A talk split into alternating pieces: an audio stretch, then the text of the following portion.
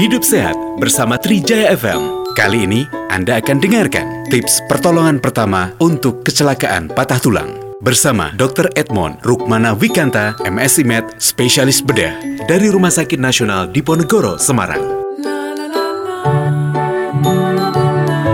Baik, jadi apabila kecelakaan ya di mana pun kecelakaan tidak harus dengan kecelakaan lalu lintas tapi dengan contoh yang simpel aja seperti jatuh di kamar mandi atau terpleset bisa dilakukan dengan melihat keadaan dari pasien atau dari orang tersebut.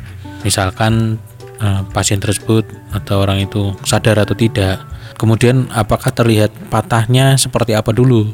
Apakah betul patahnya eh, terlihat langsung menjadikan itu sebagai tanda pasti dari patah tulang atau e, masih curiga?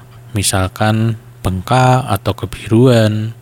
Sehingga e, pada patah tulang itu kita bisa melakukan langkah pertama. Kalau memang dicurigai patah tulang atau memang patah tulang sebaiknya yang paling tepat langkahnya adalah untuk imobilisasi.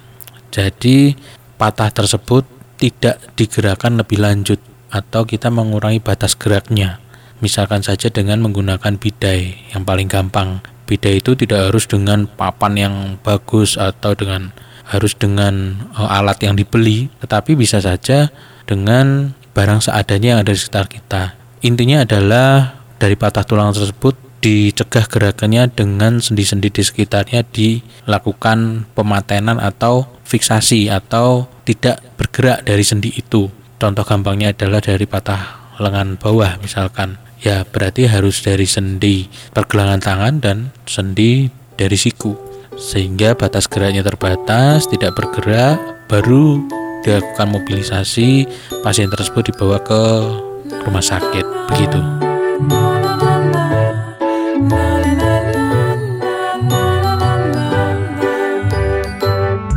Profesional Trijaya Dengarkan Trijaya Healthy Life setiap hari Kamis mulai jam 3 sore. Saya Dr. Edmond Rukmana Wikanta, MSc Med spesialis bedah dari Rumah Sakit Nasional Diponegoro dan Fakultas Kedokteran Undip. Semoga bermanfaat.